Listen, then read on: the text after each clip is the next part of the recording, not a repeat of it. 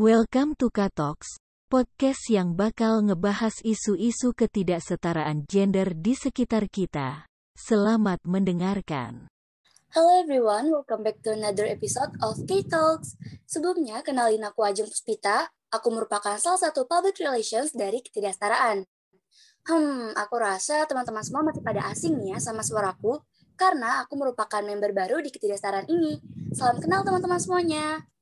Oke, okay, sesuai dengan podcast-podcast sebelumnya nih, tiap episode itu pasti tim PR-nya nggak sendirian, melainkan ditemani oleh seorang narasumber yang akan mengisi materi. So, today aku ditemani oleh narasumber yang di mana beliau ini merupakan seorang tour, public speaker, dan juga pernah menjabat sebagai Duta ITERA. Wah, keren sekali ya teman-teman. Oke, okay, kalau gitu langsung aja aku panggil narasumber kita yaitu Kak Konita Nahda. Halo Kak Konita, apakah suaraku terdengar? Halo, eh kedengaran kok, kedengaran jelas. Oke, okay. halo Kak. Kakak apa kabarnya nih? Alhamdulillah baik. Gimana nih kabarnya? Wah, Alhamdulillah ya Kak. Aku sendiri juga Alhamdulillah baik kok. Kalau untuk kesibukan, Kakak sekarang lagi sibuk apa nih Kak kalau boleh tahu? Ya, kalau sekarang itu ya aku kan kemarin tuh barusan lulus ya dari program studi arsitektur Institut Teknologi Sumatera. Nah, kemarin juga uh, alhamdulillah lagi daftar BUMN. Bismillah ya, semoga uh, bisa sampai tahap akhir. Jadi masih terus. Wah, wah keren banget ya kak. Semoga keterima ya kak. Amin. Oke, okay, terus juga aku tadi kan udah sempat mention nih kalau kakak itu merupakan seorang public speaker. Kalau boleh tahu kakak tuh mulai terjun menjadi seorang public speaker ini sejak kapan sih kak? Um, sebenarnya kalau misalkan dibilang pro public speaker sih enggak juga ya. Cuman aku bisa dikatakan menjadi public speaker karena mungkin sudah beberapa kali memiliki pengalaman diundang di beberapa acara. Nah, itu tuh mulainya sejak aku menjadi duta ITERA. Jadi menjabat sebagai duta ITERA pada tahun 2018. Jadi 2018, kemudian dari situ tuh uh, merintis menjadi uh, menjabat di beberapa bagian juga. Jadi aku menang di beberapa kompetisi yang membuat aku tuh diundang di beberapa acara menjadi seorang public speaker kayak gitu. Wah keren banget ya kak. Berarti kakak ini udah termasuk cukup banyak ya jam terbangnya? Enggak terlalu. Aku juga um, this is the first time mungkin aku juga tadi join pakai Anchor buat record podcast. Eh, sebelumnya itu kayak mungkin langsung ke radio ya waktu itu aku alhamdulillah pernah diundang ke radionya langsung. Jadi ini kayak record mungkin kedua kali ya. Waktu itu juga sebelumnya pernah juga ada yang take record buat podcast. Nah ini the second time gitu. Oh oke okay, oke. Okay. ini berarti kedua kalinya nih sama aku ya. Iya. Yeah. Nah, teman-teman, as you guys can see in the title, di episode kali ini, aku dan Kak Konita itu akan membahas mengenai mental abuse. Nah, kira-kira teman-teman tahu sih ya mental abuse itu apa? Kalau teman-teman penasaran nih, dengerin podcast ini sampai habis ya. Oke, kita bisa langsung masuk ke topik pertama nih, mengenai apa itu mental abuse. Aku mau tanya sama kakak dulu nih, Kak. Menurut kakak, mental abuse itu seperti apa sih, Kak?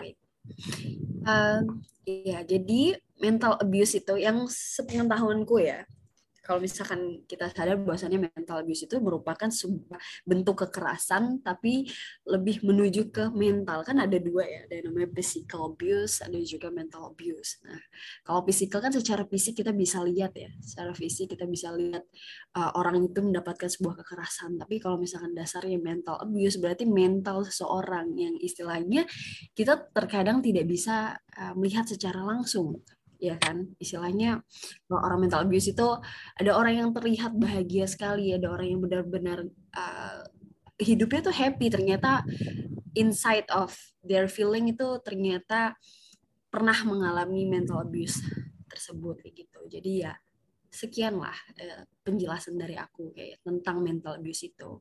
Sedikit penjelasannya. Oke okay, gitu. Kak Oke, karena mungkin ini bentuknya mental ya kak, jadinya kita nggak tahu nih orang kelihatannya happy, padahal dalam lubuk hatinya tuh dia lagi sedih kan. Mm-hmm. Oke, berarti mental abuse ini bentuknya tak terlihat atau kasat mata ya, gitu bener, ya kak. Kalau menurut kakak nih kak, kira-kira penting gak sih kak untuk kita tuh menyadari mengenai permasalahan ini? Oke, okay, uh, eh, penting atau enggak? Ya untuk sadar masalah permasalahan yang tadi mental abuse itu kan. Yang kita tahu bahwasannya kekerasan secara mental maupun kekerasan bentuk apa pun itu adalah suatu hal yang negatif kan. Berarti tandanya kita tuh memang harus dalam diri kita tuh menyadari bahwa sesuatu hal itu tuh nggak pantas untuk dilakukan. Banyak dari kita yang mungkin istilahnya sebenarnya sadar gitu kan. Cuman ya itu kayak ngedinai atau apa ya berusaha untuk menutup mata seseorang yang istilahnya mendapatkan mental abuse atau bahkan dia menjadi pelaku dari mental abuse itu gitu kan ya.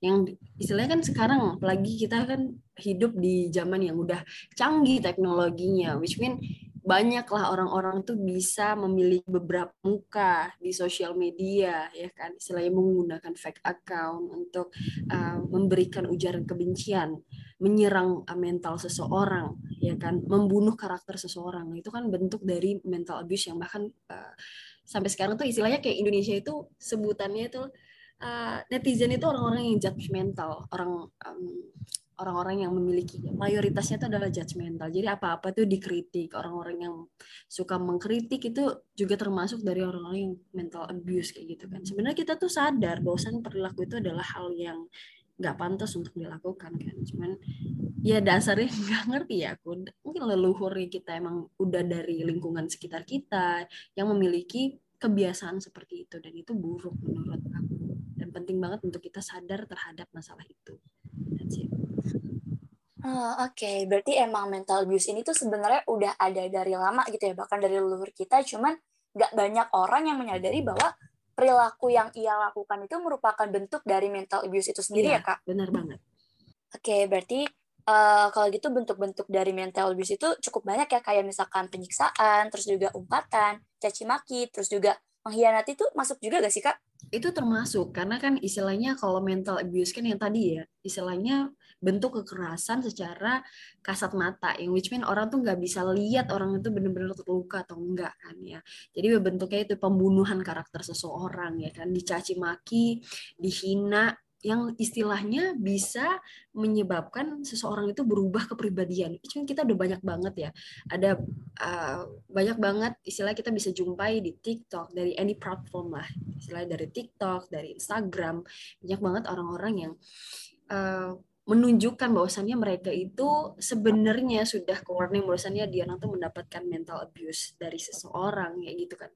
Mereka cerita segala macam. Sekarang kan gampang banget ya istilah kita cerita orang tuh udah tahu oh anak ini seperti ini kayak kenal mental abuse. Kayak mungkin dulu kan kayak ya udahlah um, kita harus stay cool aja mungkin kalau gue kena mental abuse ditahan sendiri kayak gitu kan ya banyak banget orang-orang yang tahan. Karena mungkin kalau misalkan emang pengen diselesaikan secara apa ya uh, datang ke ahlinya kan mungkin kita ngerasa kayak duh nggak nggak mampu nggak punya biaya iya, sih? kayak misalnya kita nggak punya biaya untuk datang ke ahlinya gitu kan. Sedangkan kalau misalkan kita mau berbicara ke orang yang istilahnya teman sekitar kita bahkan tuh mereka tuh juga being judgmental kayak misal contoh ya contoh kecil aja. Misalnya kita cerita tentang permasalahan. Aduh gue kemarin ini nih di ada yang ngomongin gue kayak gini gini gini. Terus dia pasti bilang kayak ah lu biasa aja itu mah masih biasa aja nggak usah baper nggak usah lebay nggak usah ini. Kayak gitu loh. Padahal sebenarnya kita tuh nggak perlu apa ya itu adalah hal kecil dari bentuk mental abuse yang bisa menyakiti perasaan orang. Seharusnya kalau misalkan istilahnya kita harus mengerti dong ya kan? Misalnya kalau misalnya ada orang cerita tuh dia dapat bullying atau dia dapat penghinaan gitu tuh harus mengerti tanpa ya nggak kita juga sometimes nggak butuh solusi ya kan. Yang kita butuhkan adalah didengarkan dan jarang banget orang yang sadar akan hal itu gitu. Iya bener banget tuh kak. Berarti emang mental abuse ini sangat berbahaya banget ya kak. Even dari hal-hal kecil pun kalau misalkan terus-terusan dilakukan pun dapat ngebuat si korban tuh merasa jadi tersakiti gitu ya kak? Iya benar benar banget Oke, karena emang tujuan dari mental abuse ini sendiri itu kan berarti menghancurkan pikiran atau mental si korban, terus juga membuat korban tuh justru malah merasa kalau dirinya tuh yang salah gitu ya, Kak? Iya, jadi istilahnya itu membunuh karakter seseorang yang tadinya istilahnya ya memang karakternya tuh hidup menjadi diri dia atau kepribadian diri dia sendiri, kemudian datang seseorang yang membunuh karakter asli dari orang itu sehingga merubah kehidupannya dalam jangka panjang bahkan bisa sampai seumur hidup dan itu sangat-sangat berbahaya kan dan orang tuh harus sadar dan mengerti bahwasan perilaku itu tuh buruk untuk lingkungan sekitar dia gitu. Oh, alright. Oke, berarti emang kesadaran dalam mental abuse ini tuh perlu banget ya, bukan cuman ke si korban ini, tapi untuk pelaku juga, terus juga bagi para saksi yang melihat juga harusnya tuh mereka sadar bahwa mereka tuh jangan diam aja gitu ya kak, mereka juga harus ikut berperan untuk menyikapi mental abuse ini agar si uh, korban-korban ini tidak terus merasakan, terus juga si para pelakunya juga nggak yang nyeleneh gitu aja ya kak? Iya benar banget harus punya kesadaran baik okay. itu dari pelaku, dari korbannya sendiri maupun dari saksi. Semua tuh memang harus sadar hal kecil ini gitu loh. Ya benar banget ya kak, karena kalau misalkan dari diri sendiri atau bahkan dari orang lain aja nggak sadar, budaya mental abuse ini bisa terbilang budaya juga sih. Bisa terus-terusan berlanjut gitu ya iya, kak? Iya benar. Terus juga nih kak, kakak pasti pernah dengar lah ya istilahnya budaya patriarki. Budaya patriarki, ya aku tahu ya budaya patriarki itu di mana uh, istilahnya tuh kayak kondisi derajat dari laki-laki tuh lebih tinggi atau lebih mendominasi dibandingkan mm -hmm. perempuan gitu ya kak. Oke, nah menurut kakak nih kak, budaya patriarki itu apakah dapat merujuk pada mental okay, abuse kak?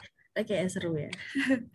Ini budaya patriarki kayak udah sering banget ya dengar. Dulu tuh aku sempet kayak bertanya bahwasannya apa sih sebenarnya uh, budaya patriarki? Kenapa sih se apa ya se apa ya sepenting itu tahu tentang budaya patriarki ternyata memang budaya patriarki itu emang udah dari dari zaman dulu tuh emang udah ada bahkan lebih parah daripada zaman sekarang kan misalnya kan namanya budaya iya. patriarki itu kan artinya uh, ketidaksetaraan gender ya misalnya antara laki-laki dan perempuan di mana zaman dulu itu laki-laki itu memiliki yang sifat pokoknya gue harus lebih dominan daripada perempuan perempuan itu istilahnya kalau sekarang kalau ditanya ya kalau sekarang tuh misalnya banyak uh, ada beberapa kebanyakan yang kulihat ya misalnya ditanya kalian ya sama cowok ditanya uh, kalian lebih memilih pasangan perempuan itu yang bersifat dominan terus dia uh, mengejar mimpi-mimpi dia ya, kayak menjadi wanita karir pintar segala macam tapi bersifat dominan juga atau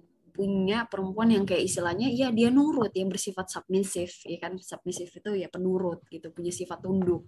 Kemudian juga um, anaknya nggak apa-apa lah nggak bisa kerja kayak gitu kan. Dan juga ya udah biasa-biasa aja yang istilahnya bisa menuruti apa kemauan dia. Dan banyak orang tuh memilih mayoritas cowok-cowok tuh memilih bahwasannya dia suka cewek-cewek yang submisif kayak gitu cewek-cewek yang nurut sama dia kayak gitu karena dia menganggap bahwasannya cowok-cowok itu adalah pemimpin. Emang bener gitu pemimpin. Tapi dasarnya tidak untuk merendahkan derajatnya seorang perempuan kayak gitu loh. Bukan berarti dia nurut lalu dia tidak punya kebebasan hak atas uh, diri dia sendiri gitu. Dia nggak bebas untuk berpendapat dia tidak bebas untuk mendapatkan sesuatu um, ya hak atau mungkin kewajiban yang dia harus lakukan kayak gitu kan. Nah, itu bagian kecil dari um, budaya patriarki kan. Nah terus uh, apakah budaya patriarki itu dapat merujuk pada mental abuse? Of course. Karena yaitu dari ketidaksetaraan gender itu yang membuat seseorang itu yang istilahnya yang tadi aku bilang kan mental abuse kan bentuk dari kekerasan mental kan.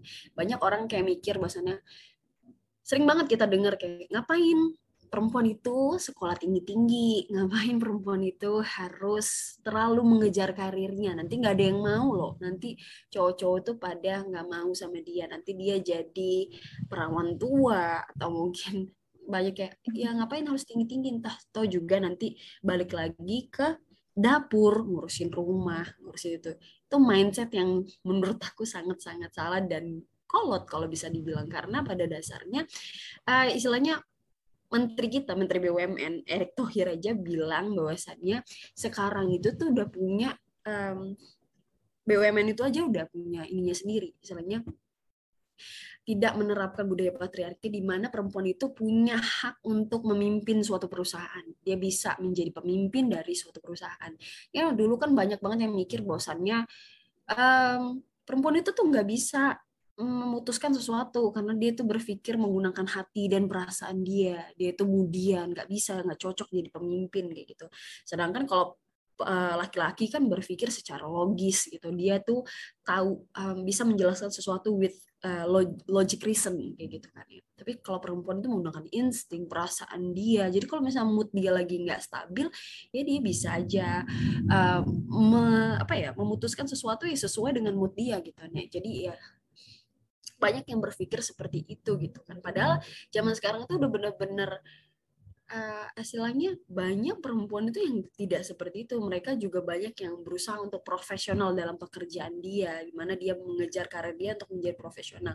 Nah, hal-hal tersebut itu kan uh, masuk ke dalam mental abuse. Istilahnya banyak orang tuh jadi down, perempuan-perempuan tuh jadi down kayak jadi um, bingung atau mungkin juga jadi apa ya mereka merasa aduh apa iya ya? Apa gue nggak perlu harus ini ya? Nanti gue nggak laku lagi atau nanti um, orang-orang mikir gue ini ambis banget lagi. Kan banyak yang kayak gitu jadi kepikiran kayak gitu. Dan itu membuat uh, menggoyahkan kepribadian seseorang membunuh karakter seseorang itu kan bagian dari mental abuse itu. Walaupun sebenarnya tidak secara fisik tidak um, kamu benar-benar uh, di apa ya dicaci maki dan dipukuli istilahnya ketika kamu um, apa ya berusaha untuk mengejar karir kamu? Tidak kan? Tapi secara mentalnya kayak gitu kan. Dia yang seharusnya memiliki pendirian yang teguh tetapi malah dipatahkan dengan hal tersebut gitu. Jadi ya itulah kenapa uh, budaya patriarki itu dapat merujuk kepada uh, mental abuse dan itu cukup harus menjadi concern bagi kita semua seperti itu. Jadi emang dapat simpulkan bahwa budaya patriarki itu udah ada ya sejak dulu tuh udah ada. Terus juga dari budaya patriarki ini kelihatan banget nih bentuk ketidaksetaraan gendernya antara perempuan dengan juga laki-laki.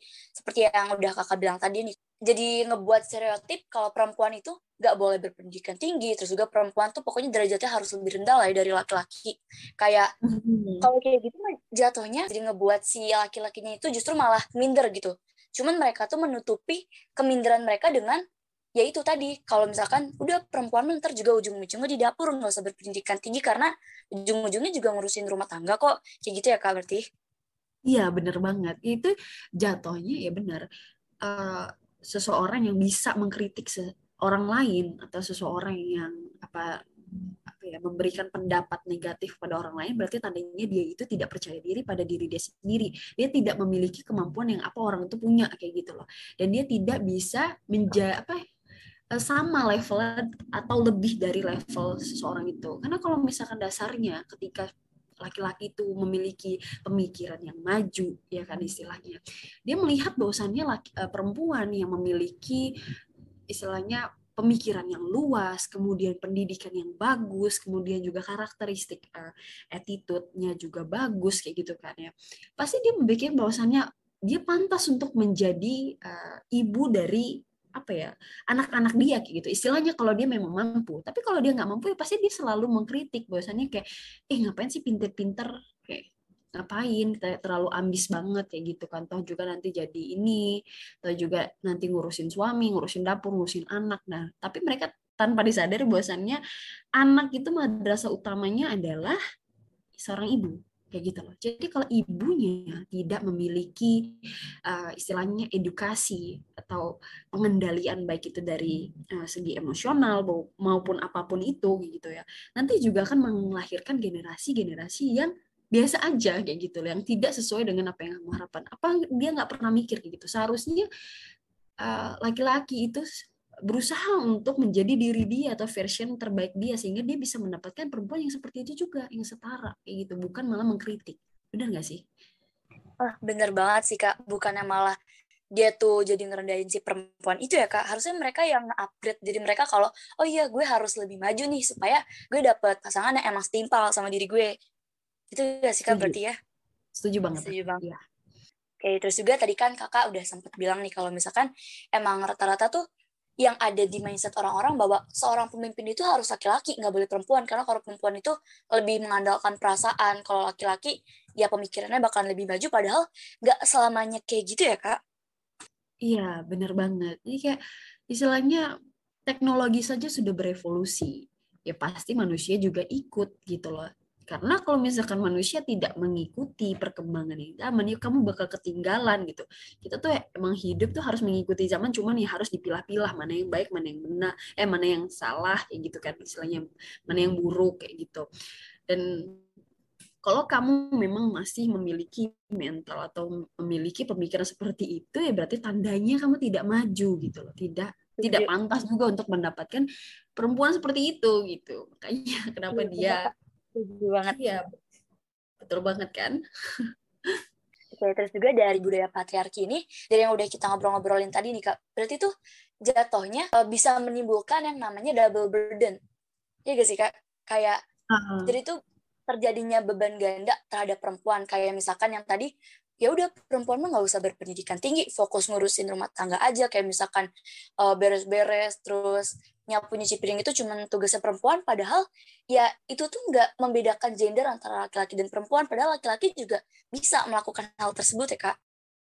Iya benar banget. Jadi kayak istilahnya mungkin ya memang sudah dari dasarnya dari luhur kita I don't know itu dari mana pembelajaran seperti itu istilahnya ya perempuan itu ya memang harus bisa ngurus rumah ngurus anak semua semuanya kayak gitu kan jadi ya karena sudah terbiasa dengan hal-hal tersebut sampai sekarang pun kayak gitu gitu. Padahal kan istilahnya itu kewajiban yang semua orang tuh bisa gitu. Laki-laki juga bisa melakukan hal seperti itu dan makanya kenapa adanya rumah, uh, tangga istilahnya punya istri dan suami karena mereka tuh menjadi partner untuk bekerja sama dalam suatu rumah tangga itu. Jadi bukan beban uh, istri itu aja gitu gak sih? Iya benar kak, setuju banget. Bukan yang malah cuma bebanin perempuannya aja ya kak.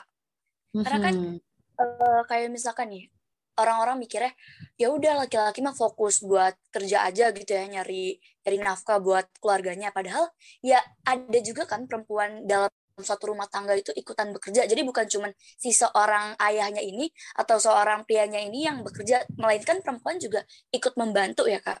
Iya benar Oke, bener banget sih Kak. Dari yang udah kita bahas tadi, bahwa budaya patriarki itu emang sangat menuju kepada mental abuse dan benar-benar berbahaya banget. Mm -hmm. Oke, terus juga nih Kak, menurut Kakak, apakah tiap individu itu memiliki kesadaran yang besar gak sih Kak untuk perihal mental abuse ini? Hmm, oke, okay. um, sebenarnya sih aku nggak nggak tidak melakukan riset apakah setiap individu atau orang-orang yang aku kenal bahkan orang-orang di luar sana itu memiliki kesadaran yang besar perihal mental abuse? Tapi pada dasarnya yang udah aku bilang like I said before semua orang tuh pasti sadar kayak gitu loh akan sesuatu hal yang disebut sebagai uh, bentuk perbuatan negatif. Tahu mereka itu sesuatu hal itu memang negatif gitu. Koruptor aja tahu kan bahwasannya korupsi itu adalah perilaku negatif ya kan? Pada saat dia menjabat dia punya visi dan misi. Sebelum dia menjadi seorang uh, pejabat negara dia pasti uh, punya visi misi yang kuat untuk bahwasannya ah nanti saya pengen ini pengen itu. Sebenarnya dalam diri dia tuh ada niatan baik gitu. Cuman ya itu balik lagi. Ya namanya manusia itu nggak sempurna ya. Pasti ada juga kekurangannya. Tapi kekurangannya itu terus terus istilahnya kalau kamu punya pemikiran gitu kan ya. Ada pemikiran baik pemikiran buruk kayak itu dia selalu mengikuti nafsu dia kayak gitunya sama orang-orang yang kayak punya mental abuse. Sebenarnya tuh sadar bahwasannya apa ya perilaku mental abuse atau kekerasan mental itu membuli, mencaci maki orang, membunuh karakter seseorang, ya kan mengkritik orang berlebihan itu tuh bisa berdampak dalam jangka panjang kepada orang itu gitu. Sebenarnya sadar, cuman itu istilahnya mereka tuh kayak ngedinai kayak kayak aduh udah keburu benci duluan. Misalkan nggak suka ya dikit-dikit. Padahal kita sebenarnya nggak tahu dia tuh siapa gitu. Bisa ketemu scrolling scrolling scrolling ketemu sama orang kelihatannya padahal kita nggak tahu sebenarnya dia ini orangnya seperti apa gitu. Cuman kelihatan dari covernya aja. Makanya ada bilang don't judge uh, someone only its cover kayak gitu kan. Jadi jangan menjudge seseorang itu cuman dari cover dong padahal kita nggak tahu kan sebenarnya itu. Cuman ya itu istilahnya semua orang itu memang cuma ngelihat dari fisiknya aja kayak gitu kan ya. Jadi dia ngejudge membunuh karakter seseorang tanpa tahu. Ya karena itu udah apa ya sifat buruknya itu bener-bener diikutin gitu kemauannya. Seperti itu sih. Jadi ya aku rasa ya mereka memiliki kesadaran. I don't know itu kesadaran yang besar atau enggak cuman ya itu balik lagi ke pribadinya masing-masing Nah, setuju banget nih Kak. Untuk hal-hal tersebut juga aku sering banget nih Kak nemuin di sosial media, terutama kayak TikTok atau Instagram. Kayak orang nih cuma ngeposting apa yang diposting, padahal postingannya tuh nggak ada unsur menjatuhkan atau unsur menjelek-jelekan seseorang, tapi tiba-tiba pas dibuka comment sectionnya, orang-orang pada ngehujat dia, padahal ya apa yang si netizen lihat itu kan cuma dari cover ya, belum tentu orang tersebut tuh memiliki sifat yang buruk, atau misalkan memiliki watak yang buruk atau perilaku yang buruk. Jadinya benar sih kata kakak dan judge book by cover gitu ibaratkan. Mm-hmm, bener banget. Itu ya karena memang melakukan mental abuse kepada seseorang karena dia punya ketidakstabilan mental gitu. Entah dari latar belakangnya memangnya sudah membiasakan diri dia seperti itu gitu kan. Balik lagi dari keluarga dari lingkungan sekitar itu ada juga orang yang memang bisa menahan diri dia karena balik lagi dari diri dia dari Eh, keluarga, lingkungan sekitar dia yang sangat berpengaruh sih menurut aku gitu. Jadi ya pintar-pintar untuk mencari di mana kamu bergaul ya di situ kamu menjadi uh, seseorang kayak gitu istilahnya. Oke, okay.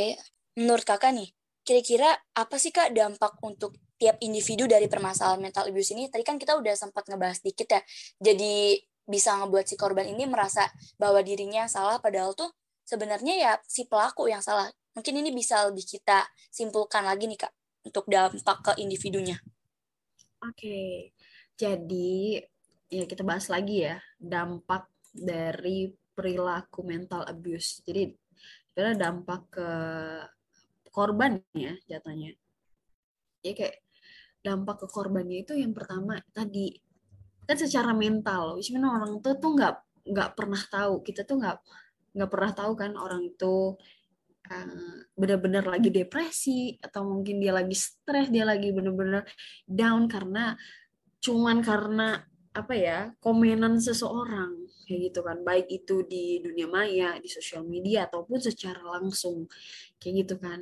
Dan itu tanpa kita sadari bisa berdampak dalam jangka yang panjang kayak gitu kan. Tapi ya orang-orang itu benar-benar uh, istilahnya ya udahlah nggak peduli orang dia dia gitu kayak istilahnya kayak gitu kan ya. Maksudnya ya gue nggak suka gitu sama dia sudah biarin aja dia sadar gitu. Padahal sebenarnya tidak seperti itu etikanya dalam memberitahu atau mengkritik seseorang kayak gitu loh. Kalau misalkan memang rasanya dia memang benar-benar salah, kan ada etikanya kayak gitu kan ya. Bisa mungkin secara personal dan cara baik-baik gitu loh.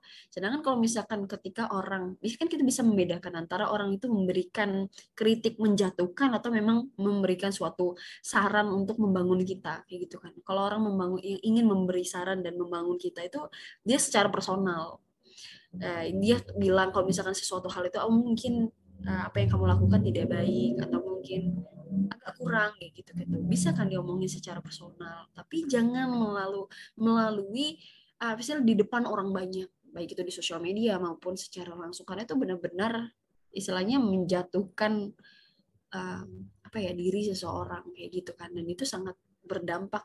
Ya dampaknya apa? Ya tadi itu. Orang tuh bisa jadi stres depresi dan mengubah kehidupan dia a whole life. Ya misalnya tadi ya contohnya istilahnya uh, menurut tadi budaya patriarki. Istilahnya dia sudah memiliki pendirian. Oke okay, saya adalah tulang punggung apalagi tulang punggung keluarga. Dia itu harus menjadi panutan untuk adik-adiknya. Dia harus menjadi contoh ya kan? Dia juga harus menjadi kebanggaan orang tuanya ya kan?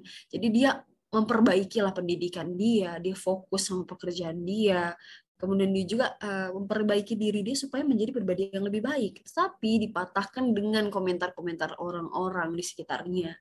Dari lingkungannya banyak ya istilahnya perempuan itu harus nikah maksimal umur 25 tahun.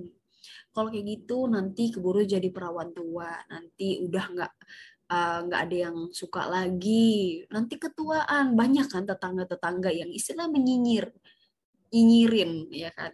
Yang seharusnya dia fokus kayak oke okay, saya masih fokus untuk mengejar karir saya masih mau nabung saya masih mau punya mau jalan-jalan masih mau enjoy with uh, her life kayak gitu istilahnya kalau bisa perempuan ya istilahnya. Tapi dipatahkan dengan omongan-omongan tetangga kayak gitu kan kayak aduh deh ngapain? Sekolah tinggi-tinggi mau S2 lagi mau apalagi mau S3 mau kerja masa tinggi-tinggi nanti susah dapet jodohnya kayak gitu kan banyak yang bilang kayak gitu.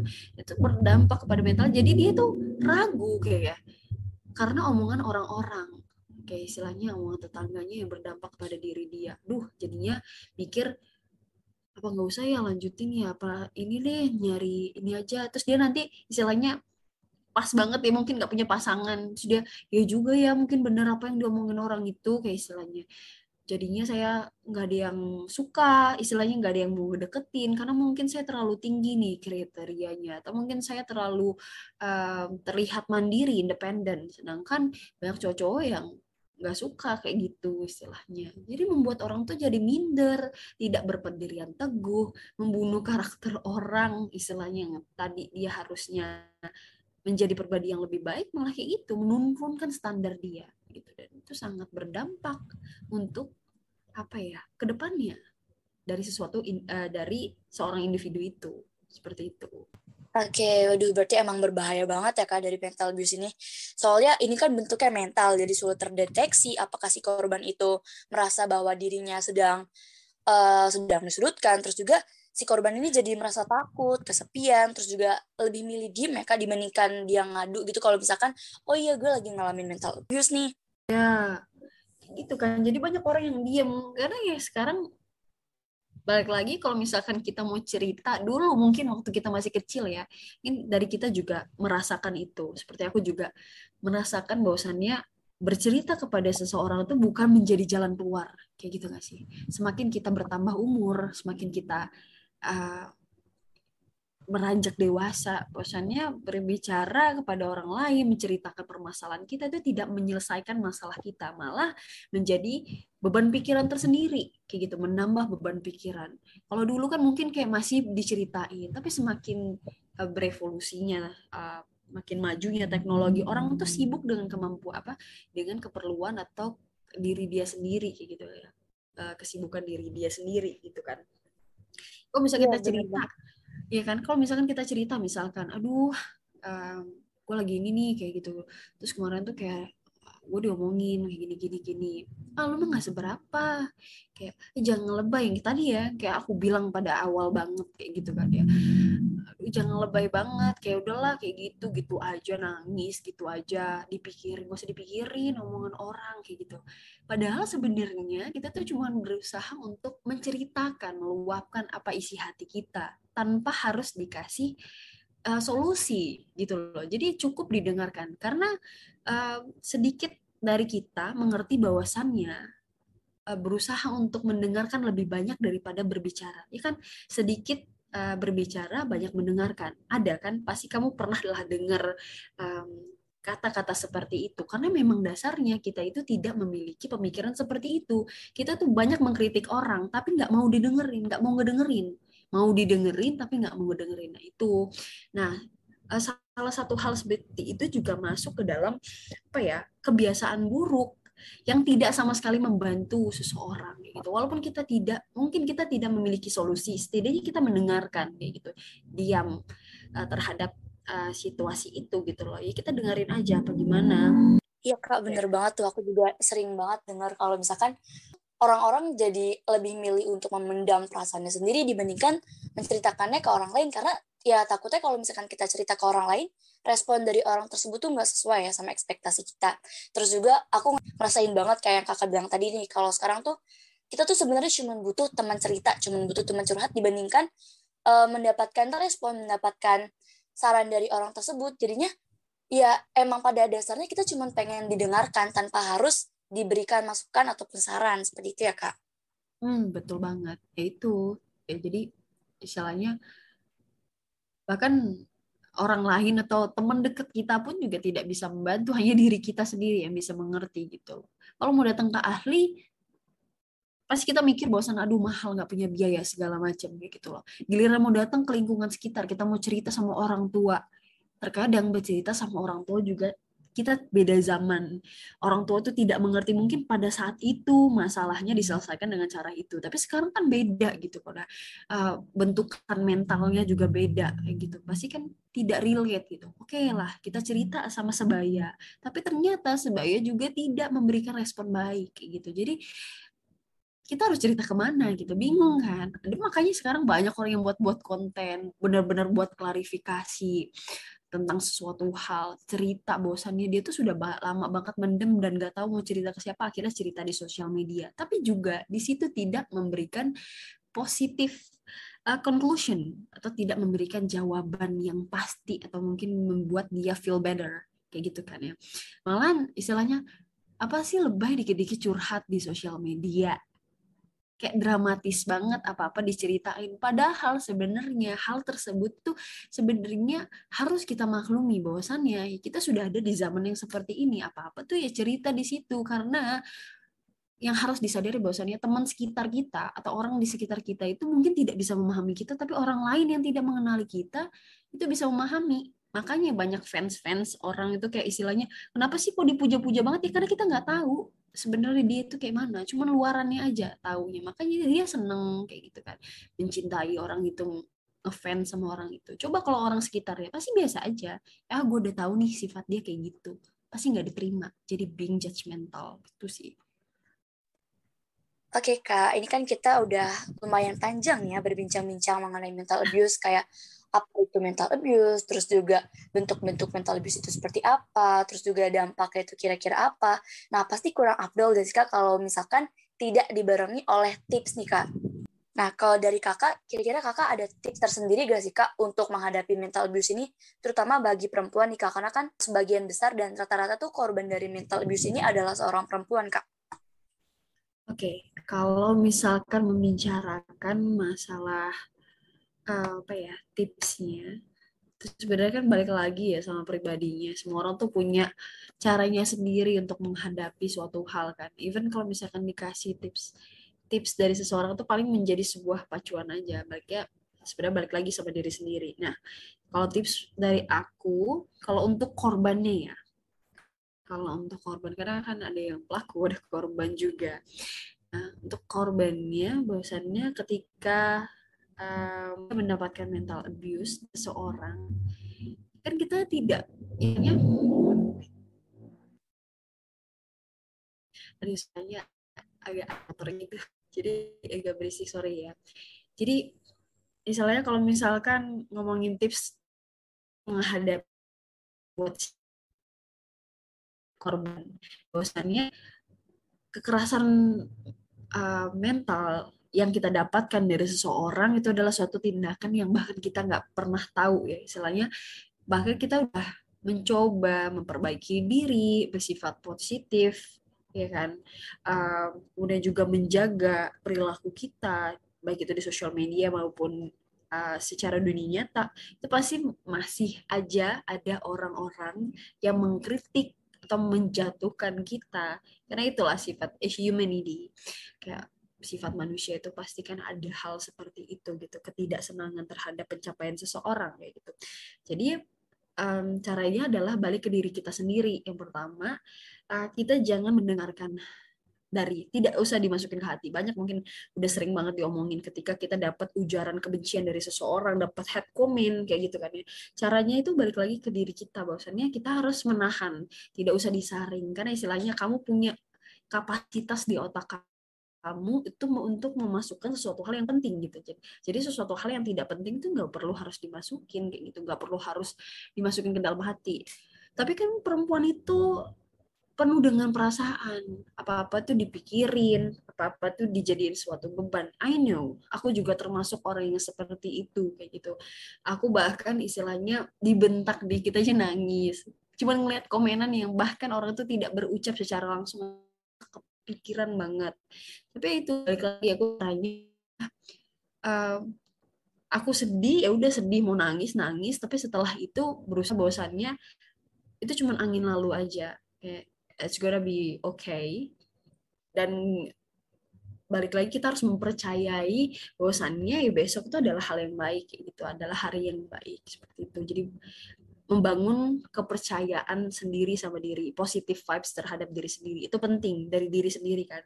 Kemudian ya kalau misalkan orang itu memang sudah mengganggu, ya udah kita blokir. Kalau misalkan secara sosial media, kalau misalkan secara langsung kita jauhkan, istilahnya jangan berusaha ada di lingkungan itu lagi karena itu termasuk lingkungan toksik gitu. Memberikan kritikan yang tidak membangun itu adalah sesuatu uh, bentuk dari toxic relationship bukan hanya dalam pasangan uh, aja kan istilahnya.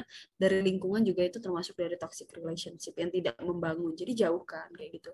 Kalau orang-orang di sana ya blokir kayak gitu istilahnya report uh, head comment itu banyak lah kayak gitunya. Tapi kalau misalkan sudah tidak ditahan lagi misalkan kamu sudah kena nih mental abuse, kamu bisa datang ke ahlinya atau kamu bisa bercerita kepada orang yang bisa kamu percayai. Oke, mungkin ada beberapa orang yang tidak bisa mendengarkan kamu gitu kan ya, tapi ada pasti orang yang memiliki uh, kepribadian yang baik. Istilahnya dia merupakan pendengar yang baik. Coba cerita sama orang itu kayak gitu. Kalau nggak bener-bener kamu udah parah banget ya datang ke ahlinya karena itu benar-benar bisa membantu kamu karena mereka tahu karena mereka expert mereka ahli mereka tahu gimana cara menghadapinya seperti itu. Dan buat pelaku ya kan ya yang sering membuat mental abuse aku aku nggak tahu ya istilahnya pemikiran kalian seperti apa. Uh, I hope you have apa ya a good day istilahnya setiap hari dan kamu bisa berpikir bahwasannya itu adalah perilaku yang buruk dan tidak bisa menjadi sesuatu perilaku yang kamu teruskan. Karena ya itu itu bisa menyebabkan uh, terganggunya mental seseorang dalam jangka panjang. Bisa membunuh karakter seseorang istilahnya mengubah kepribadian orang. Bahkan bisa sampai selamanya gitu. Dan itu adalah perilaku buruk harus disadarkan dari diri sendiri gitu. Jadi itu kalau untuk aku. Dan kalau untuk saksi ketika kamu sudah tahu teman kamu atau orang-orang di sekitar kamu mendapatkan mental abuse dari seseorang please bantu dia. Please mengerti dia. Please jangan diem aja. Karena banyak dari kita kita punya teman yang itu kayak udahlah I don't care kayak gitu. Itu bukan masalahku. Ya kan? Jadi istilahnya uh, take your own business. Itu masalah kamu ya kamu yang urusin sendiri. Jangan kayak gitu. Kita ini adalah social humanity. Kita itu apa nih ya uh, kita hidup bersosial. Jadi bukan cuman ngurusin diri kamu sendiri tapi kamu juga harus bisa memiliki rasa sosial yang kamu bangun untuk peduli terhadap lingkungan sendiri orang-orang terdekatmu seperti itu deh tips dari aku aku. Semoga bermanfaat. Wah, oke. Okay, makasih banyak nih Kak tipsnya. Bisa banget nih ya untuk teman-teman semua yang memiliki masalah pada mental abuse ini diterapkan tips yang udah dijelaskan tadi oleh Kak Konita. Berarti nih Kak, kita nih perlu banget ya namanya edukasi. Edukasi itu bukan cuma terhadap si korbannya nih, melainkan si pelaku dan juga saksi itu perlu banget yang namanya edukasi. Terutama si pelaku nih, karena pelaku ini kan merupakan seseorang yang melakukan tindakan seperti ini ya kak. Karena kan mental abuse ini bisa termasuk tindak kejahatan juga ya. Jadinya hmm. si pelakunya harus sadar nih bahwa perbuatan yang ia lakukan itu salah dan melanggar hukum. Terus juga ini tuh termasuk melanggar hak asasi manusia ya kak. Betul, itu merupakan tindakan yang melanggar hak asasi manusia udah jelas banget kan, karena itu ya, adalah banget gitu ya. perilaku buruk ya kan. Wah, nggak kerasa nih Kak, kita udah ngobrol-ngobrol lumayan lama ya Kak. Udah ngebahas tentang apa itu abuse ini, terus juga masih sedikit tips-tips juga nih yang bisa diterapkan oleh teman-teman semuanya. Kekerasan nih kak udah hmm, udah cukup berjalan lama ya kita ngobrol-ngobrolnya. Udah lama banget ya. Nanti orang bosan lagi dengerin kita ngomong. Wah, kayaknya orang-orang juga bakal tertarik sih kak. Soalnya pembahasan yang kakak bawakan tuh seru banget sih kak. Dan mudah dipahami gitu. Oke, okay, hopefully. oh ya, sebelum aku tutup, mungkin kak Konita mau ngasih sepatah dua kata kak. Sepatah dua kata patah ya belum patah kata. Intinya adalah Boleh, siapa pun kamu di luar sana yang sudah mendapati mental abuse semangat maksudnya kayak um, hidup kamu tidak berakhir hanya pada hari itu atau pada saat itu ketika kamu uh, dicaci maki atau dibully oleh seseorang. Kamu bisa menjadi pribadi yang lebih baik dan tunjukkan bahwasannya kamu tuh yang memang uh, tidak pantas untuk mendapatkan mental abuse itu seperti itu. Oke, okay, terima kasih banyak Kak Konita. Sukses terus ya Kak. Kalau gitu kita akhirin podcast kali ini. See you on the next episode teman-teman. Goodbye.